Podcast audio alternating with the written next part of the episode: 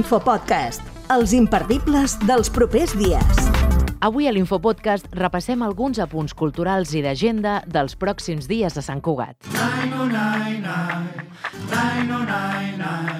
I ho fem amb el nou single del santcugatenc Tacho, on col·labora amb els Manolos, un tema d'aires nadalencs i dels 90, anomenat El Premio Gordo, que, per cert, arriba la setmana vinent. La loteria, no el single, que ja pots aconseguir a totes les plataformes digitals.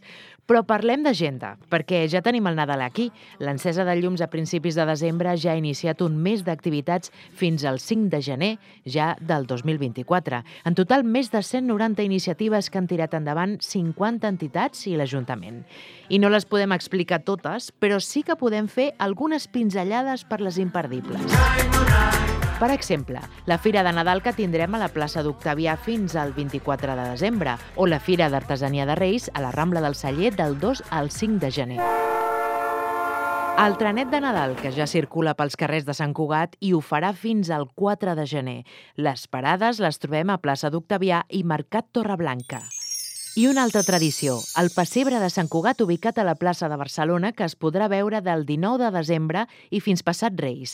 I per pessebres bonics, els del recorregut del concurs de pessebres de l'Ateneu. Per cert, que les inscripcions ja han finalitzat i el 28 de desembre sabrem quin pessebre ha guanyat aquest Nadal. El quinto arriba del 25 al 29 de desembre al PAP 2 de la Rambla del Celler amb una cua virtual i la defensa del català com a novetats d'aquest any.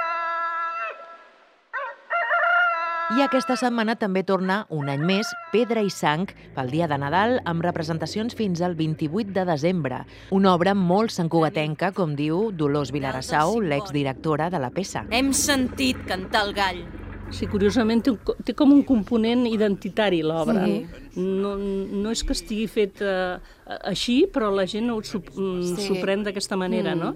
O sigui, el, el fet del monestir, el fet de Nadal, el fet d'aquest tema identitari que, que va passar aquí, doncs li dona, li dona uns ingredients. I penso que és una obra que li agrada a la gent que li agrada el teatre i la gent que no ha anat mai al teatre també li agrada. Sí, connecta.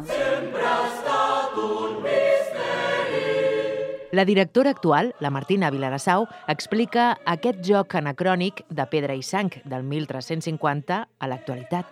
amb el fet que el cor pugui ser atemporal, això ens permet explicar aquesta història que va passar el 1350 i a la vegada que el cor pugui incorporar actualitats i puguem fer crítica de l'actualitat a través de l'espectacle. En aquest sentit, li diem nosaltres que l'escena 5, que és l'escena del poble, sempre incorpora unes novetats locals i també a nivell global que també tenen gràcia perquè les intentem aplicar com si passessin a 1350, però estem parlant de l'actualitat.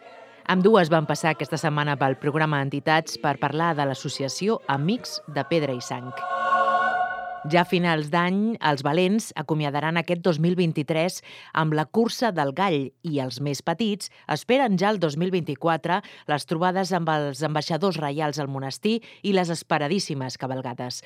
Atenció que algunes tornen amb nous recorreguts. Si vols controlar per on passarà el teu rei preferit, passa per www.cugat.cat barra agenda, l'agenda més completa de Sant Cugat. Qui t'avisa no et vol mal. Bona setmana! L'Infopodcast és una coproducció de Ràdio Sant Cugat i la xarxa.